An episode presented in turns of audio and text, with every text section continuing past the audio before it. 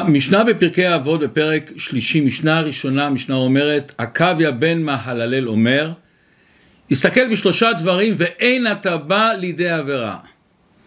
דע מאין באת, ולאן אתה הולך, ולפני מי אתה עתיד ליתן דין וחשבון. ואז המשנה המשיכה מאין באת מטיפה סרוחה, לאן אתה הולך למקום עפר רימה ותולע, ולפני מי אתה עתיד ליתן דין וחשבון? לפני מלך מלכי המלכים הקדוש ברוך הוא. אז בהתחלה הדבר ראשון, מה המשנה אומרת ואין אתה בא לידי עבירה? מה זה ידי עבירה? אין אתה בא לעבירה. אז המשנה כאן מלמד אותנו משהו מאוד מאוד חשוב. יש, גמרא, הגמרא אומרת, לא העכבר גונב, החור גונב. מה הפירוש? אם אני נגיד מוצא בבית שלי עכבר, אז מה אנשים עושים בדרך כלל? מיד מחפשים לתת לו מלכודת, לשים איזה רעל, אבל מה, אני לא פותר את הבעיה, מכיוון שהוא נכנס דרך החור. אומרת לנו הגמרא, תחפש את החור מאיפה שהוא הגיע. כל פעם שחס ושלום בן אדם בא לעבירה, לחטא, הוא צריך לחשוב מה החור, מה החלל והמקום פנוי שעבירה מצאה מקום להיכנס בתוכו. אנחנו מכירים שאלישע בן אבו היה אחד מגדולי ישראל, שהיה תקופה שהוא ירד מאוד. ואומרת הגמרא למה הוא ירד? הוא ניגן שירים יווניים. מהבגדים שלו נפלו ספרי יווניים. זאת אומרת, אפילו דברים שלך זה לא חטא, אבל זה פותח לך את הלב, זה פותח לך את הלב לדברים שליליים, ומזה נגרר הדברים. כמו שחס ושלום יש לנו את הכלל הגדול, מצווה גוררת מצווה, יש את הכלל הגדול, עבירה גוררת עבירה. וגם אותו דבר לפעמים בן אדם נפתח לו פתחים על ידי חברים שליליים, על ידי התמכרויות, על ידי אופנה, על ידי התבוללות מבחינה רוחנית, על ידי קשר לעולם, קשר לעולם הזה, שאני לא שולט עליו, וזה עושה לי את החור הגדול. יש את הסיפור המפורסם של הרבי מהר"ש, שפעם אחת מהחסידים שלו היה סוחר גדול. אז כל כמה זמן הוא נסע מלובביץ', מהעיר שהרבי היה חי, למוסקבה, לעיר הבירה, לעשות ביזנס. ואז התחיל המושג של האופנה, ואז עד אז האנשים הלכו עם, עם כאלה חליפות ארוכות, ואז התחילו ללכת עם חליפות קצרות. אז מה עשה אותו חסיד? כשהוא היה בלובביץ' הלך עם מעיל ארוך, כשהוא נסע למוסקבה הלך עם מעיל קצר לפי האופנה. ופעם אחת הוא החליט לעצמו למה אני משקר, למה אני לא אמיתי. הוא נכנס לרבי מהר"ש עם מעיל, עם החליפה קצרה. שואל אותה רבי מה זה, אז הוא אומר, הוא מספר את כל הסיפור, שם אני הולך עם קצר, פה אני הולך עם ארוך, החלטתי לא לשקר. אומר לרבי, זה אני יודע שאתה עושה. רק אני רוצה לשאול אותך שאלה, למה שהחלטת שאתה לא משקר, החלטת שאתה הולך בלובביץ' עם החליפה הקצרה, ולא במוסקבה עם החליפה הארוכה. זאת אומרת, הרבי הרגיש פה איפה אתה מרגיש שאתה משקר בלובביץ'. וזה אחד הדברים הגדולים שאת אומרת לנו המשנה, אין אתה בא לידי עבירה. אבל פה באה עוד שאלה גדולה שכל המפרשים שואלים, למה צריך לחזור על זה? בהתחלה הוא אומר מאין באת, ולאן אתה הולך, ולפני מי אתה עתיד? ליתן דין וחשבון, ואחרי זה המשנה שוב חוזרת, מאין באת? מטיפה סרוחה, לאן אתה הולך למקום עפר רימה ותולע, לפני מי אתה... למה צריך לשאול פעמיים ולענות פעם אחת בסוף? תשאל פעם הראשונה ומיד תתן את התשובה. אבל בכדי להבין את זה בואו נקדים הקדמה מסוימת. למה המשנה כאן משתמשת במילה עבירה? בדרך כלל בתורה יש לנו חטא, עוון. עבירה זה לשון של חכמים, של הגמרא. למה פה מדברים על עבירה? אז בואו בכדי להבין את זה קצת לעומק יותר, אנחנו היום נמצאים במידת ההוד, אנחנו יודעים שבספירת העומר כל שבוע יש לו את המידה שלו. בשבוע שעבר היה מידת הנצח, היום זה הוד. מה זה נצח ומה זה הוד? אז אנחנו יודעים שחסד זה בצד ימין, גבורה זה בצד שמאל, באמצע מידת התפארת, שוב פעם נצר זה בצד הימין, הוד זה בצד שמאל. מה זה נצר ומה זה עוז? נצח אנחנו יודעים, נצר זה בא מהמילה ניצחון, נצחנות. יש אנשים שמידת הנצח אצלהם מאוד דומיננטי. יש להם המון אומץ, הם דבקים במטרה, יש להם סבלנות, הם רואים את המטרה והם הולכים לאט לאט. כמו שאנחנו אומרים באשת חיל, אנחנו אומרים, הייתה כאוניות סוחר ממרחק תביא לחמה. לאישה יש את המטרה שהיא רוצה להגיע והיא הולכת צעד צעד, יש לה סבלנות, סבלנות, סבלנות. גם המילה נצר באה מהשם נצחיות. מכיוון שברגע שיש לך את מידת הנצר, דבקות במטרה, אתה הולך עד הסוף, זה גורם לך נצחיות. אז יש המון אנשים שמצליחים בגלל שהם לא מיד נופלים כשלא הולך כמו שהם רוצים. הם מיד נכנעים כשלא הולך. הם דבקים במטרה. אבל יש לנצח שלילה עצומה. אנשים שיש להם מידת הנצח לא בריאה, זה לא שהם רוצים את המטרה, הם רוצים להוריד את השני. הם רוצים לדרוס אנשים השני. יש אנשים שבגלל המטרה שהם רואים אותה, המטרה מקדשת את האמצעים, וזה כמו טרקטור שהורס את הכל מסביבו. היטלר יימח שמו היה לו מידת הנצח, שלילית. וגם שאמרו לו כל המפקדים שמכל הצדדים אנחנו הולכים להפסיד, בואו ניסוג ממקום אחד, מרוסיה, ונאסוף את כל הצבא למקום אחד, ושם נילחם, הוא לא הסכים. מידת הנצח. יש אנשים שמידת הנצח עושה שהם שולטים על אנשים. מורידים אותם, משפילים אותם. אולי לא בכוונה רעה, אבל זה המציאות. עוד יותר מזה, יש אנשים שמידת הנצח הורסת את עצמם. מכיוון שברגע שבן אדם כל כולו נצחנות ומלחמה ואתגרים, והוא לא שם לב שהוא שוחק את עצמו. זה נצח. בצד השני זה הוד. הוד זה בדיוק הפוך מנצח. הוד זה בא בשורה של גבורה, איזו גיבור הכובש את יצרו. נצח בא למידת החסד, שחסד זה התפשטות, התרחבות, זה נצח. הוד בא מהמילה, אחד מהעניינים להודות. יהודה נקרא מידת ההוד, מכיוון שהוא הודה, הוא הודה על הטעות. להוד, להודות על הטעות לא מצד חולשה, יש אנשים שאומרים, אוקיי, שיהיה כמו שאתה רוצה, הוא לא רוצה להתווכח, אין לו כוח. להודות מתח עוצמה וגדלות.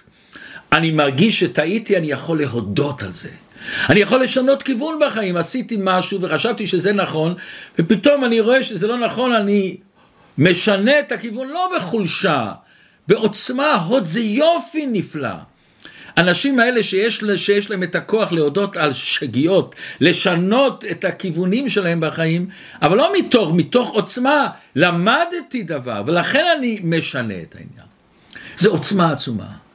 רמל פוטפס היה משפיע בכפר חב"ד, יהודי, חסידי, עסיסי, מלא אור וחיות, שמחה עצומה.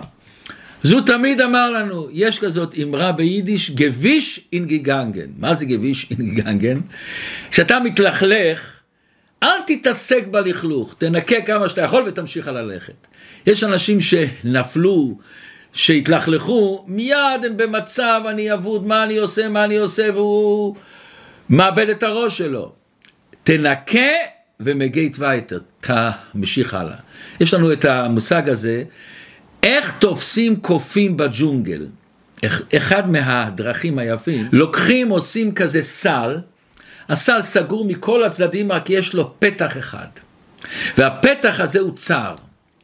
ובתוך הסל הזה שמים מאכל שהקופים אוהבים, בננות, בוטנים, כוזים, אבל בוטנים לא בריא, היום יש הרבה מקומות בגני חיות שלא נותנים להם, זה כמו שוקולד ועוגות שאצלנו זה לא בריא. אבל הקוף רואה, והוא רוצה לתפוס את הבננה הזאת, אבל החור מאוד קטן. אז הוא מכניס את היד שלו ככה בעדינות, בצורה ישרה, הוא לא סוגר את היד. והוא תופס את הבננה, מחזיק אותה והוא רוצה להוציא. אבל כשהוא רוצה להוציא, החור מדי קטן, הוא לא מסוגל להוציא. והוא תופס, תופס, תופס את זה בכל הכוח, והוא לא עוזב את זה ועד שתופסים אותו. ככה אנחנו, יש אנשים שמידת הנצח שלהם, אני מוכרח להצליח גם אם אני רואה שזה טעות מה שעשיתי, גם אם אני רואה שאני נופל בזה, לפעמים תשחרר. וזה הוד, תשחרר. גביש אינגינגנגן.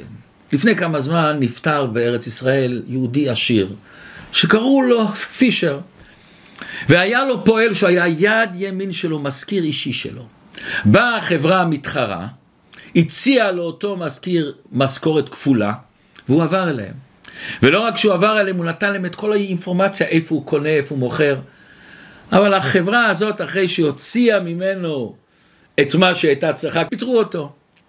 ואותו פישר שמע שהוא כל כך נפל ברוחו, לא מספיק שעשיתי נזק לפישר, לבעל הבית הקודם שלי, ועוד זרקו אותי מהעבודה, פישר החזיר אותו לעבודה. שאלו אותו למה עשית את זה? הוא אומר, למה אני צריך להחזיק את הכאב הזה? אני רוצה למחול לו, אני רוצה לסלוח לו, אני רוצה לוותר לו, גביש נגרנגן, זה הוד, זה העוצמה של הוד. לגדול, לצמוח. יש כזה בדיחה, מספרים שפעם הרב אחד בבית כנסת לפני יום כיפור, אומר לכל האנשים, יהודים, מי מוכן לסלוח לפני יום כיפור, לסלוח לכל מי שפגע בו? 80 אחוז הרימו ידיים. ואז הוא מדבר עוד פעם כמה זה חשוב לסלוח ולמחול, שוב פעם הוא שואל עוד 10 אחוז. עוד פעם מדבר דרשה דרשה, כולם הרימו את הידיים, אנחנו סוכלים חוץ מאישה אחת זקנה. אומר לה, יש לך כל כך הרבה אנשים שהזיקו לך שאת לא יכולה לסלוח? היא אומרת, לא, אין לי אנשים שפגעו. לא, אף פעם, לא, לא פגעו בי. היא אומרת, מה זאת אומרת לא פגעו בה? היא אומרת, כן, כל מי שפגע בי כבר לא נמצא בעולם הזה, הוא נמצא למעלה. אומר לה הרב, אז בכל זאת תסלחי להם. עוד משהו, להודות זה, ההוד, להגיד תודה. יש אנשים שמישהו עשה לי חסד, הוא, הוא עשה לי טוב, קשה לי להגיד לו תודה, למה קשה לו טובה? אז אני מרגיש שאני חייב לו, אז אני אומר את התודה, אבל בתוך תוכי זה באיזשהו מקום לחץ, אני מחויב לו, הוא מעליי. יש כזה סיפור אמיתי, שמישהו עזר לשני ללמד אותו מקצוע של יהלומים פה בעיר שלנו, ואחרי שהוא שנה שלמה לימד אותו, זה שלימד אותו, בא ומביא לו מתנה ארוזה יפה, הוא פותח, הוא רואה מאפרה עם אבנים קטנות. הוא שואל אותו, אתה נותן לי מתנה? אני צריך לתת לך מתנה. שנה שלמה לימדת אותי. הוא אומר, כן, כן, אבל אני יודע הרבה פעמים שאלה שעושים טובות בסוף זורקים עליהם אבנים. למה? אני מח... מחפשים לפעמים את אלה שאני חייב להם, שאני מרגיש באיזשהו מקום, הם מעליי, אני מרגיש רע, אז אני רוצה להוריד אותם. אז אני נותן לך כאן מאפרה עם אבנים קטנות, שאם תרצה לזרוק אבנים, שיהיה אבנים קטנות. זה ההבדל בין נצח להוד. כמו למשל אני יכול להיכנס לפקק ומכוניות ולנסות לעקוף נצח, הליקופטר הוא מעליהם, אין לך שום בעיה, אתה מעל הדברים, אתה חי אחרת. ויש לנו את זה בדבר נפלא בעבודת השם. אנחנו יודעים שבחיי היומיום שלנו, יש לפעמים דברים שאני מפחד מהם, אני יודע שהם יכולים להוריד אותי. אנחנו הרבה פעמים אומרים אני מחליט החלטה ועושה בלי נדר. מה זה בלי נדר? מהתורה אני יכול לעשות נדר, אני יכול לעשות נגיד אדם שרואה שאלכוהול עושה שהוא חלילה וחס מאבד ראש, הוא יכול לעשות נדר, אני אוסר על עצמי לשתות אלכוהול. או שבועה, הוא אומר אני עושה שבועה שכל יום אני אלך לשיעור תורה, הוא רוצה לדחוף את עצמו ללכת לשיעור תורה. או הפוך, שבועה שאני לא אדבר עם בן אדם מסוים. יש נדר ויש שבועה. מה זה עוזר?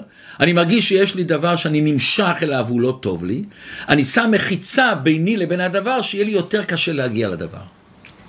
אבל יש עוד דבר נזיר. מה זה נזיר? בן אדם שאומר אני נזיר, אני קדוש להשם, בנזירות, אסור לו לקצץ שיער, אסור לו לשתות את היין ואסור לו להיטמע על המתים. מה? מה ההבדל? שואל הרבי לכאורה, נדר ושבועה זה כמו נזיר, למה יש עוד דיני נזיר? אומר הרבי, זה הבדל עצום. בנדר ושבועה, מה אני עושה? נגיד, אני מרגיש שיש לי יצע הרע, יש לי את הנפש הבמית שמושכת אותי לאלכוהול. אני שם מחיצה שיהיה לי יותר קשה להגיע. אני יודע, אם אני אשתה, אני אעבור על נדר. אני אעבור על שבועה. אז מה אני עושה פה בעצם? אלכוהול נשאר, התשוקה שלי לשתות אלכוהול נשארה, אני שם מחיצה. בנזיר, הוא לא אומר, אני אוסר על עצמי לא, שאני לא אחתוך שיער, ואני לא אשתה את היין, ואני לא אתאמר, הוא לא אומר את השלושה דברים, הוא אומר, אני נזיר להשם. הוא אומר, אני יותר נעלה. אני באיזשהו מקום צריך להרגיש קדוש יותר לקדוש ברוך הוא. וממילא אסור לי לקצץ שיער, וממילא אסור לי להיטמע למתים, וממילא אסור לי לשתות יין. עוד יותר, על פי הלכה, אם אחד אומר הרי אני נזיר, על מנת, אני עושה תנאי שאני אוכל לקצץ את השיער, שאני אוכל לשתות יין, הוא נזיר ואסור לו לקצץ שיער. הוא נזיר ואסור לו לשתות יין, למה? זה לא כמו שבועה ונדר שמה שאני מקבל עליי זה אסור. אני קיבלתי על עצמי נזירות, אני מתרומם. אני לא שם קירות ביני לבין הדבר, אני משנה את עצמי. זה לא מתאים לי עכשיו, אני במדרגה אחרת. ואני אספר לכם סיפור ששמענו מרב מלך פוטפס, אותו רב מלך פוטפס. הוא, הוא סיפר שהוא היה במחנה אסירים ברוסיה. היו שם כמה קצינים, חיילים גדולים בצבא הגרמני, יימח שמם וזכרם. פעם הוא מספר, אני מתעורר באמצע הלילה, ואני רואה אחד מהקצינים בצבא הגרמני עומד, כולם יושנים, והוא עומד ועושה כאלה תנועות ככה, ככה וככה וככה, וכל מיני תנועות שונות, ומדבר בשקט לעצמו. חשבתי, הבן אדם משתגע, היה אפשר, יש שם את כל הסיבות להשתגע, אוקיי. הלכתי לישון, אחרי כמה ימים עוד פעם אני קם, ושוב אני רואה עושה את זה, ושוב הוא עושה את זה. הלכתי אליו ושאלתי אותו מה זה. הוא אומר, תראה, במחנה העבודה פה כולם אנשים פרימיטיביים, פשוטים. אני קצין בצבא הרגיל, אני מבין במוזיקה, מבין באומנות, אני אדם נעלה, אריסטוקרט אני. אבל אני מפחד במשך הזמן, הסביבה תשפיע עליי, מה אני אעשה ריבונו של עולם? איך, אני שוב ארד. אז כל יום אני קם באמצע הלילה, ואני מדמיין לעצמי, אני רואה את הגדוד שלי. ואני אומר להם, ללכת לצד שמאל, ללכת לצד ימין, עמוד דום, עמוד נוח, נותן להם את כל הפקודות, ואני משחזר, אני קצין. אני לא רוצה ללמוד מהם. זה נזיר. זה שבן אדם פתאום תופס את עצמו, מה אני ריבונו של עולם? אני בן של הקדוש ברוך הוא, סיפסני, זה לא מתאים לי ההתנהגות כזאת, לא מתאים לי דיבור כזה, לא מתאים לי מידות כאלה, לא, מת, לא מתאים לי סכסוכים כאלה, לא מתאים לי התמכרויות שלי שאני מכור למשהו מסוים. יש מספרים על לואי הרביעי, החמישי, אני, אני לא זוכר בדיוק, שעשו מרד והרגו אותו, את, ה, את המלך הצרפתי ואת כל המשפחה. חוץ היה בן צעיר, נדמה לי בן שבע, שאותו השאירו. שלחו אותו למקום של אנשים פרימיטיביים מאוד, ורצו לעקור ממנו את המחשבה שהוא יהיה מלך. אבל הוא שמר על עצמו, הוא לא אכל עם הידיים והלך עם בגדים יפה וניקה את עצמו. שאלו אותו, למה אתה עושה את זה? למה אתה לא כמו כולם? הוא אומר, אני בן מלך, אני לא יכול לעשות את זה. זה שני הקווים, נצח והוד. נצח זה מלחמה שאני עושה שבועה, נדר. הוד, אני נזיר, אני מתרומם, אני נמצא במקום אחר. באה המשנה ואומרת לנו, אין אתה בא לידי עבירה. מה הפירוש של המילה עבירה? עבירה זה בא מהמילה מה, שיש שני מעברים מעבר הירדן. אנחנו אומרים אברהם אבינו היה אברהם העברי, למה אברהם העברי? הוא הרגיש שהוא מעבר אחד וכולם מעבר השני. בן אדם שהוא תופס אני נזיר, אני בן של הקדוש ברוך הוא, הוא תופס אני מעבר אחד. אני לא עושה חטא ופשע בגלל שאז אני עובר למקום אחר. אז חטא זה דבר פרטי, זה דבר שאני עשיתי לא כמו שהשם רוצה. עבירה זה שאני מרגיש שאני עובר לכיוון אחר. אני משנה את המהות שלי, אני משנה את עצמי, אני חס שלום, בהתנהגות שלי, בחיצוניות שלי, אני עובר למקום אחר. וזה אומרת המשנה, תסתכל בשלושה דברים ופתאום תתפוס שאתה לא בא לידי עבירה, אתה תזכור שאתה מעבר השני. אני אספר לכם סיפור שזה היה אצלי לפני שנים. הלכנו פעם עם הילדים לשחק בכדורגל. ושיחקו, היה שתי קבוצות, שיחקו יפה, ואז פתאום באה איזה אימא, ובאה עם הבן שלה, בן צעיר, אבל מיד ראו הילד הזה שהוא ילד מיוחד, אה, אוטיסט קצת. והיא ביקשה אם אפשר להכניס אותו אל הקבוצה, בוודאי, כולם הסכימו, הילדים נחמדים, הכניסו אותו לאחד מהקבוצות. ורצו להיות נחמדים, הביאו לו את הכדור. אז הוא בועט את הכדור לפה, בועט את הכדור לשם, הולך לקבוצה שלו ועושה שער, מכניס שם גול. הוא לא מבין מה הולך בכלל, מה הולך פה בכלל, לא מבין מה הולך פה. יש אנשים שנמצאים בעולם הזה ולא מבינים שהם במשחק. יש כאן משחק בין הנפש האלוקית והנפש הבהמית. יש פה משחק באיזה צד אתה נמצא, באיזה מקום אתה נמצא. האם אתה בצד של אברהם אבינו, אברהם העברי, או בצד השני. אומרת המשנה, איך תבין את המושג הזה? שתסתכל בשלושה דברים האלה ועוד מעט נפרט אותם, אז פתאום תוכל להבין שאתה מעבר השני. שמשון סטוק היה אחד יהודי בעל חסד גדול, וכשהוא היה צעיר, לפני הבר מצווה שלו הוא נכנס לרבה. הוא היה לא מהמשפחות שומרי תורה ומצוות. ואז הרב שואל אותו, מה אתה אוהב? אז הוא אומר ספורט. איזה ספורט אתה אוהב? אז הוא אומר ספורט מסוים כמו כדור רגל נגיד. ואז הרב אומר לו, אתה גם הולך לראות במשחקים הגדולים? הוא אומר, כן, הלכתי למשחק. נו, ומה היה? הוא אומר, הרב, אל תשאל, הקבוצה שלי, שאני מעריץ שלה, הלכה להפסיד, אני עזבתי את המשחק. שואל אותו הרב, וגם השחקנים עזבו? הוא אומר, לא, לא, הרב, הם שחקנים, הם שחקנים. ומה אתה אומר? אני צופה, אני עומד בצד, אני יכול לצאת. אומר לרבי זהו. בחיים תמיד תבחר לעצמך מה אתה. אתה שחקן או צופה? והוא אומר לי, זה ממשיך לו כל החיים, מה שהרבי אמר לו. אבל יש פה מאוד עומק. הרבי רוצה להגיד לו, גם שאתה מפסיד, אתה לא מפסיד. גם שאתה שחקן. שחקן זה מציאות דבר. שאתה נזיר, גם אם נכשלת אתה נזיר. אתה מסתכל על עצמך אחרת, במבט אחר, אתה רואה את עצמך אחרת. הרב הרש"ב אמר וורט עמוק מאוד. מה ההבדל בין עני לעשיר? אני מכיר הרבה עניים שמקבלים פתאום 100 דולר, 100 יורו. היה אצלנו אדם, ברם לוב, עשיר גדול, ולפעמים הוא יכל לתת, היה שם איזה עני שהסתובב 300 אירו, 400 אירו. היה נדמה לי פעם הוא הביא לו אלף, אנשים שנותנים לו יורו, שתי יורו, שלוש יורו. ואני אומר לברם, כל כך יפה מה שאתה עושה, הוא אומר, לא, אני עושה את זה בשביל עצמי, הוא אומר. אני מעשן סיגרים שזה יכול לעלות 100 דולר, 200 דולר לסיגר, אני נהנה. אני לראות את העיניים של העני, את האור בעיניים האלה, שהוא מקבל את ה-300, 400, את ה-1000 דולר, את ה-1000 יורו, רק בשביל זה אני נותן לו לראות אותו. אז לעני יש זמנים טובים, הוא מרוויח פתאום הרבה כסף. הוא בא הביתה, שמח, מספר לאישה ולילדים, ולפעמים זמנים לא טובים הוא מקבל יורו ושתי יורו. אומר הרב עכשיו, עשיר גם כזה. יש עשירים שמרוויחים הרבה כסף.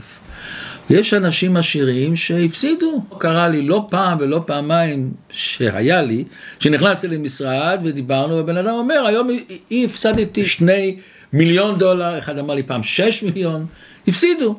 אומר הרב עכשיו, מה ההבדל בין העני לעשיר לשתיהם יש זמנים טובים, זמנים לא טובים? אומר הרב עכשיו נפלא. העני, גם שהוא קיבל את האלף יורו שלו, מה הוא מרגיש בנפש? עני. אבל עשיר, גם שהוא הפסיד היום שתי מיליון, שלוש מיליון דולר. אבל מה הוא מרגיש? הוא מרגיש עשיר. יותר מזה, אני מרגיש, אני מכיר הרבה אנשים, לא הרבה, אבל כמה אנשים, שהיו עשירים והיום הם לא כל כך, אבל בהרגשה שלו הוא עשיר. פעם אחת אני ישבתי על יד מישהו עשיר, שהיה ואין לו, ובא בן אדם ומבקש ממנו תרומה, והוא אומר לו, פעם שעברה שהייתי נתת לי אלף דולר. אז העשיר הזה ככה מסתכל, אין לו, אני יודע שאין לו, אנחנו אוספים בשבילו כסף. ואז הוא אומר לי, בלי לחשוב פעמיים, אתה יכול בבקשה להלוות לי אלף דולר, אני אחזיר לך, להביא לו. בראש שלו הוא לא מאבד את העשירות שלו. זה מה שהמשנה אומרת לנו, הסתכל בשלושה דברים ואין אתה בא לידי עבירה, להסתכל בעולם חדש, לראות עולם אחר, לראות מצב אחר, אתה בן אדם, אתה חלק אלוקה ממעל ממש. ובשבוע שעבר היה לי כזאת המחשה נפלאה. יש לנו, ב, יש לנו כאן ישיבה של ילדים של, רובם ילדים של שלוחים. יש לעת עתה 80 ילדים מנדמה לי 27-28 מדינות בכל העולם. יש בן של אחד השליחים, בחור נחמד טוב, אבל יש לו בעיה, קשה לו להתרכז, קשה לו להתרכז.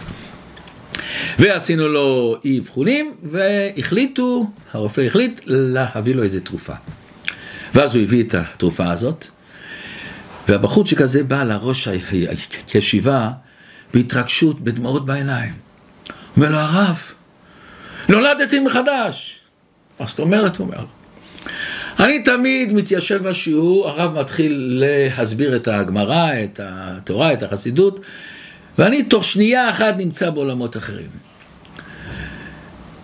מיד אני נמצא בעולמות אחרים. לקחתי את התרופה, נכנס לשיעור, ואני מסוגל להקשיב, מסוגל להבין, מסוגל להתחבר. מסוגל להתחבר לרב, מסוגל להתחבר לחברים שלי. הם שואלים, אני עונה. עולם חדש ראיתי. זה מה שהמשנה רוצה, שנרגיש שאנחנו עולם חדש. אנחנו לא כמו בהמה, אנחנו אנשים מסובכים. יש הבדל עצום בין בהמה לבן אדם. אצל בהמה הכל טוב, היא קמה בבוקר, אין לה את הבעיות של בגדים, מה לאכול, יש לה את העשב שלו, היא רוצה, היא שוכבת ככה, אין לה בעיה של מיטה, של אה, אה, איך אני ארוויח, מה אני אעשה, איך המשפחה שלי, איך הילדים שלי, שום דבר. אדם הוא מסובך, יש לו הרבה צרכים, הרבה דברים שהוא צריך, הרבה ניגודים יש לו, את הנפש אלוקית והנפש הבהמית שלו. אבל כמו כל דבר בעולם, הניגודים יוצרים דבר חדש. כל המציאות שהשמש וכדור הארץ והכוכבים מסתובבים, זה כוחות מנוגדים. כל מכשיר אלקטרוני יש לו את החשמל שהוא שלילי וחיובי.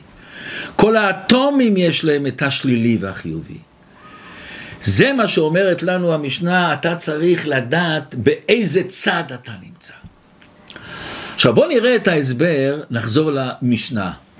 ההסבר הזה מבוסס על הנועם אלימלך, רבי אלימלך מליזנס, וגם הרב מפתח את זה יותר.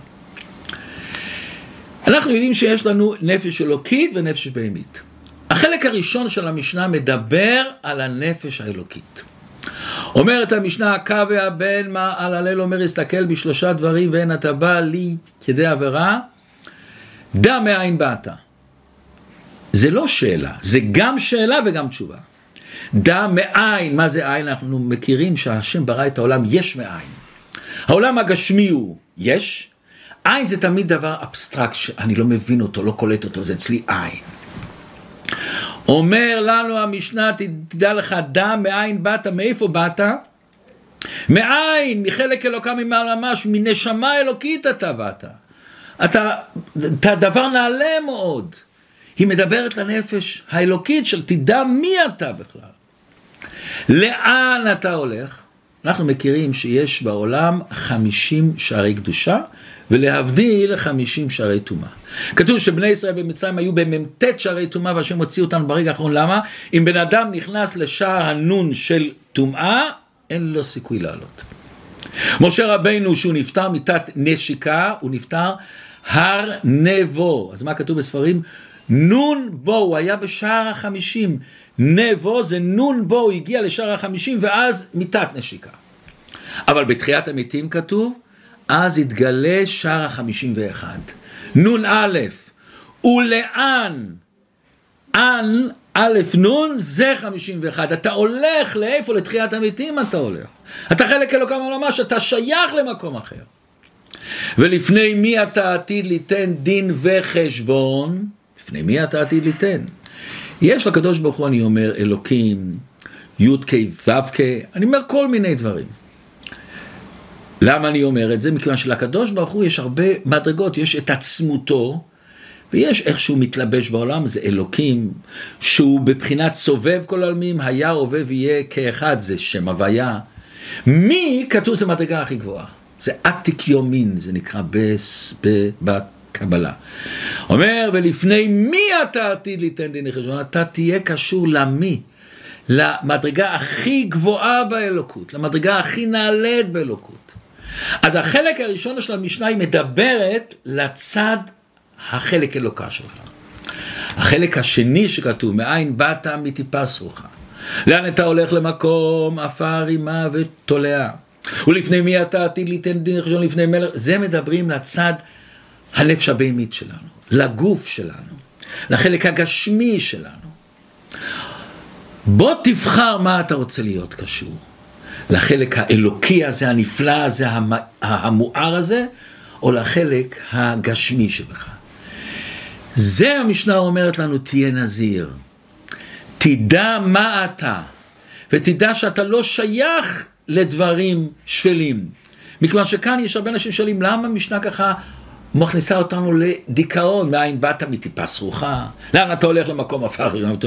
למה להוריד אותנו? אומרת המשנה, גם שאתה נפלת, תדע לך, אתה חלק אלוקה. אתה קשור לקדוש ברוך הוא. איך כתוב? שבע יפול צדיק וקם. הצדיק נופל. הסוף ורשעים ברע. הצדיק יודע, אני שחקן. שחקן לפעמים מצליח, לפעמים לא מצליח, אבל אני, יש לי שם מסוים, אני שחקן. אני קדוש, אני נזיר לקדוש ברוך הוא. שנפתח את העיניים ונתבונן, אומרת המשנה, להסתכל, לא סתם לחשוב מהר, להסתכל, להתבונן עד שאתה רואה את זה בעיניים, וזה ירים אותנו לגבהים נעלים מאוד.